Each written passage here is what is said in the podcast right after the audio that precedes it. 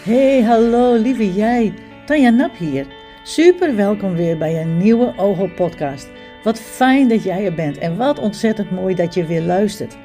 Ga je met me mee naar de boeiende wereld van hypnose? Je krijgt toffe verhalen, tips en inzichten, zodat jij meer de wow-factor van hypnose kunt ontdekken. Want hypnose heeft het gewoon. Waarom moeilijk doen als het met hypnose kan? Ben je klaar voor? Oké dan. Zo, tijd voor een lekker kopje koffie. Drink je een kopje met me mee? Ga er maar lekker bij zitten, want ik heb eigenlijk best wel wat te vertellen. Ik heb wel iets met je te delen, namelijk. Een hele tijd geleden, een aantal jaren, nou je moet weten, ik was al heel vroeg grijs. Ik begon in mijn twintiger jaren al grijs te worden. Toen had ik mijn eerste grijze haren al. Nou ja, je snapt natuurlijk wel, dat vond ik niet zo fijn. Daar was ik helemaal niet blij mee. Dus wat deed ik? Wat bijna alle vrouwen dan doen, die gingen haar verven. Dus ik ging ook mijn haren verven. En dat heb ik mijn hele leven, ben ik dat blijven doen. En ja, als je altijd maar je haren verft, dan heb je natuurlijk niet in de gaten op een gegeven moment wat dan nog je eigenlijke echte kleur is. Dus ehm, ik merkte wel dat ik niet meer zo donkerblond was als dat ik vroeger was. Want ik heb van nature echt donkerblond haar. Bijna tegen het zwarte, haar, zwarte aan, dus donkerbruin eigenlijk. Um, maar ja, goed.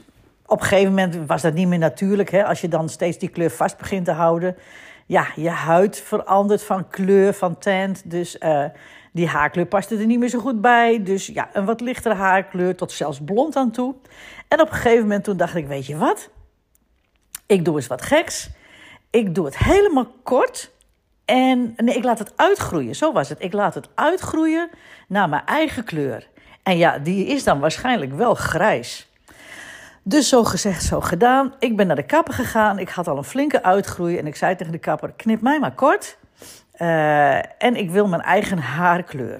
Dus dat hebben ze gedaan. Uh, ze hebben me helemaal kort geknipt. Een, een, pittig kort kapseltje zou je kunnen zeggen. Hè? Um, ik heb het wel vaker kort gehad in, in mijn uh, jongere jaren. Want ik had elke keer wat anders. De ene keer heel kort en de andere keer heel lang. En alles daartussenin.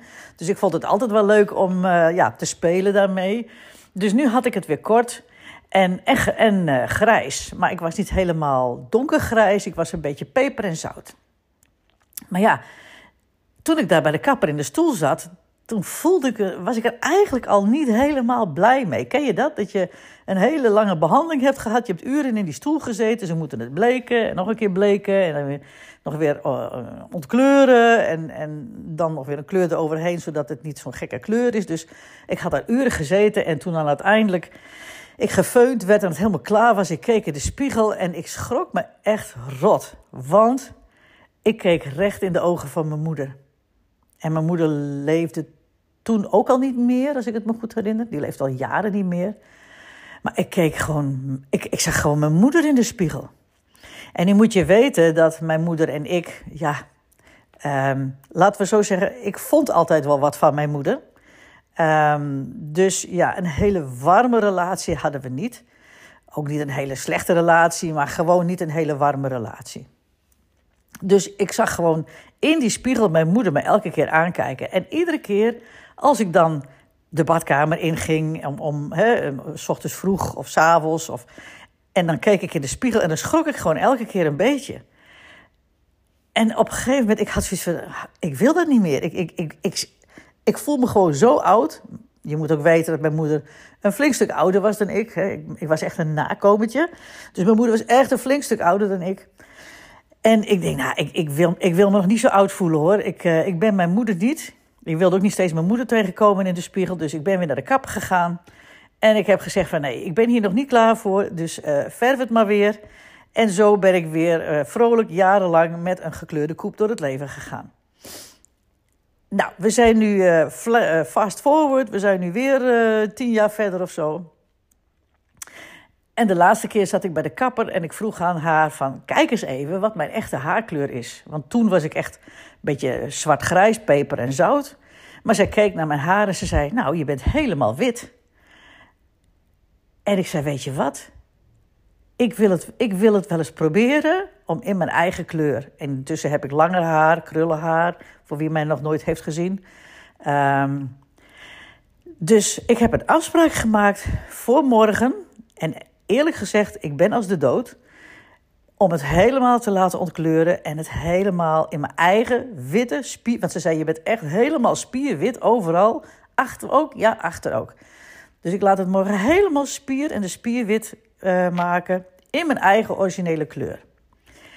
En ja, natuurlijk betrapte ik mezelf erop dat ik dacht van, oh jeetje, straks kijk ik weer in de spiegel en zie ik weer mijn moeder.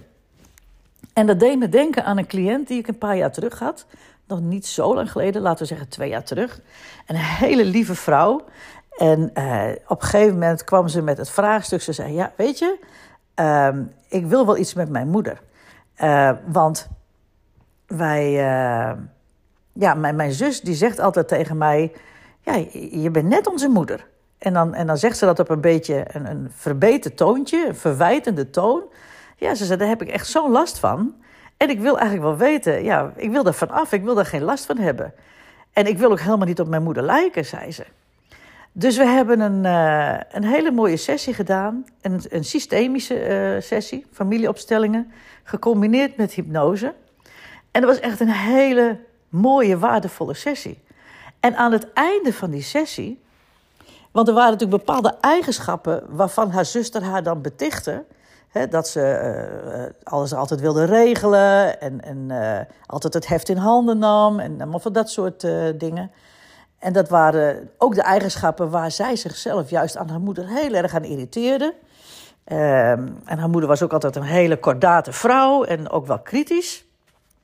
Dus dat waren die eigenschappen waar ze zichzelf ja, aan ergerde. En dat haar zus haar dan voor haar moeder uitmaakte, ja, dat deed haar pijn. Daar had ze last van. En in die sessie was er ergens ineens een, een shift, een ommekeer. Terwijl ze op de plek van haar moeder stond en zich ineens realiseerde: ja, ze moest het eigenlijk allemaal alleen doen. Ze was getrouwd, die moeder was getrouwd met een man die eigenlijk. Want vader was een hele vrolijke man, was heel gezellig voor de kinderen. Dus de kinderen waren dol op vader. En um, Vader was dus een leuke man, maar voor moeder, moeder had daar helemaal niks aan.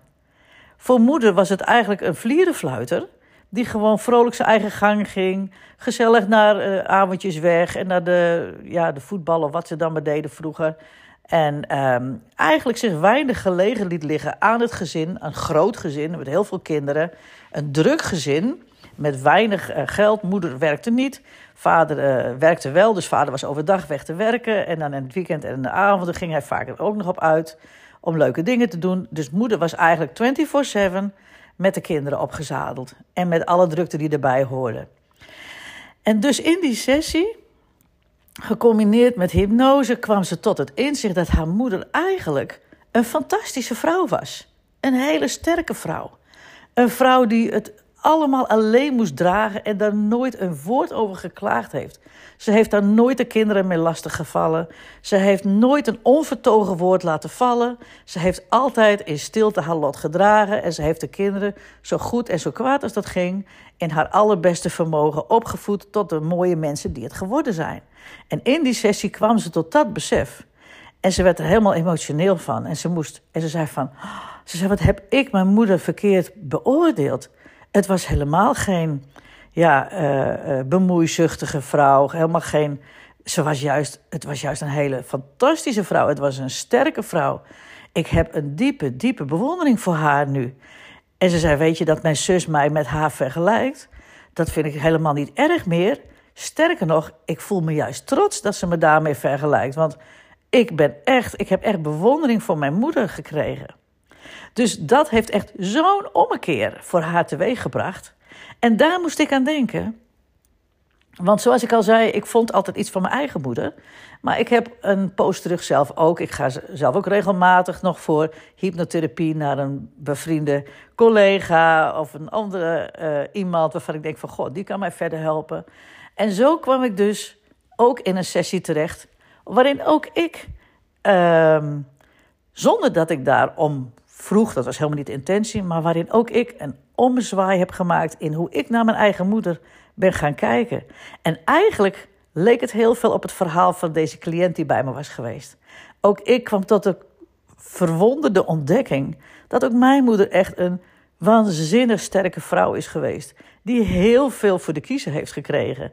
Die daar nooit met een woord over gerept of geklaagd heeft. Maar in stilte haar lot heeft gedragen. En in beste eer en geweten onze kinderen op heeft gevoed. En daar zelf ook echt wel offers voor heeft moeten brengen. Alleen dat hebben wij als kind, of ik als kind natuurlijk nooit meegekregen. Dus mijn beeld op mijn moeder is ook in die sessie echt 180 graden gedraaid. En dat betekent dat ik dus nu morgen naar de kapper ga en me realiseer dat ik dan waarschijnlijk net hetzelfde witte haar heb als mijn moeder. En ook zij had het wat langer. En dat ik misschien als ik in de spiegel kijk weer mijn moeder ga zien. Alleen nu niet als de vorige keer dat ik daar geïrriteerd van raak of van baal. Maar dat ik nu misschien wel met trots in de spiegel kan kijken. Omdat ik daar mijn moeders weerspiegeling zie. En dat ik daar haar ja, opnieuw kan begroeten. En er trots op mag zijn dat ik op haar lijk. Dus dat wilde ik even met je delen. Omdat dit laat zien hoe één sessie, één sessie, je kijk op de wereld volledig kan draaien. En als je kijk op de wereld volledig draait, dan veranderen ook je acties. Je overtuigingen veranderen daardoor, maar ook de acties die je onderneemt veranderen daardoor. Ten positieve. En dat maakt dat je gewoon aan een heel ander leven verder kunt gaan en aan je dromen kunt bouwen. Dus één sessie kan soms echt al levensveranderend zijn. En niet soms, maar ik zie dat echt heel regelmatig gebeuren in mijn werk. En dat maakt dat dit werk zo ongelooflijk boeiend is en zo prachtig om te doen.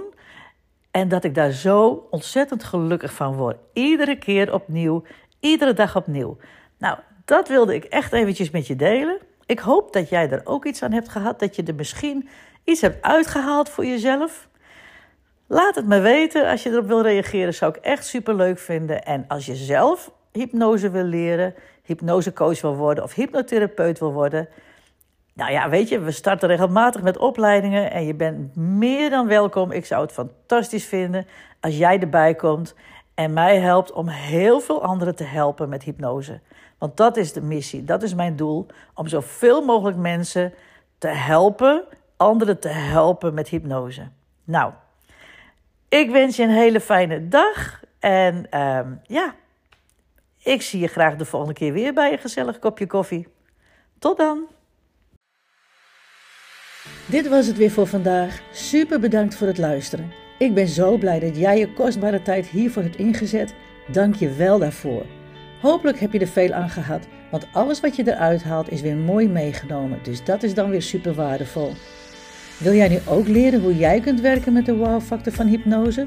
Kijk dan op onlinehypnoseopleidingen.nl of volg me op Insta, Facebook of LinkedIn. Online hypnoseopleidingen. Als laatste nog, deel alsjeblieft deze podcast met iedereen waarvan jij denkt dat die er iets aan kan hebben of het interessant zou kunnen vinden, want zo help je mij om nog meer mensen te helpen met hypnose en je helpt hen om mooie inzichten te kunnen krijgen. Dus please deel deze podcast. En laat weten wat ik nog meer voor je kan betekenen in de reacties. Heb je nog vragen ergens over? Wil je meer weten? Laat het alsjeblieft weten via Facebook, Insta, LinkedIn of stuur me een mailtje info at onlinehypnoseopleidingen.nl.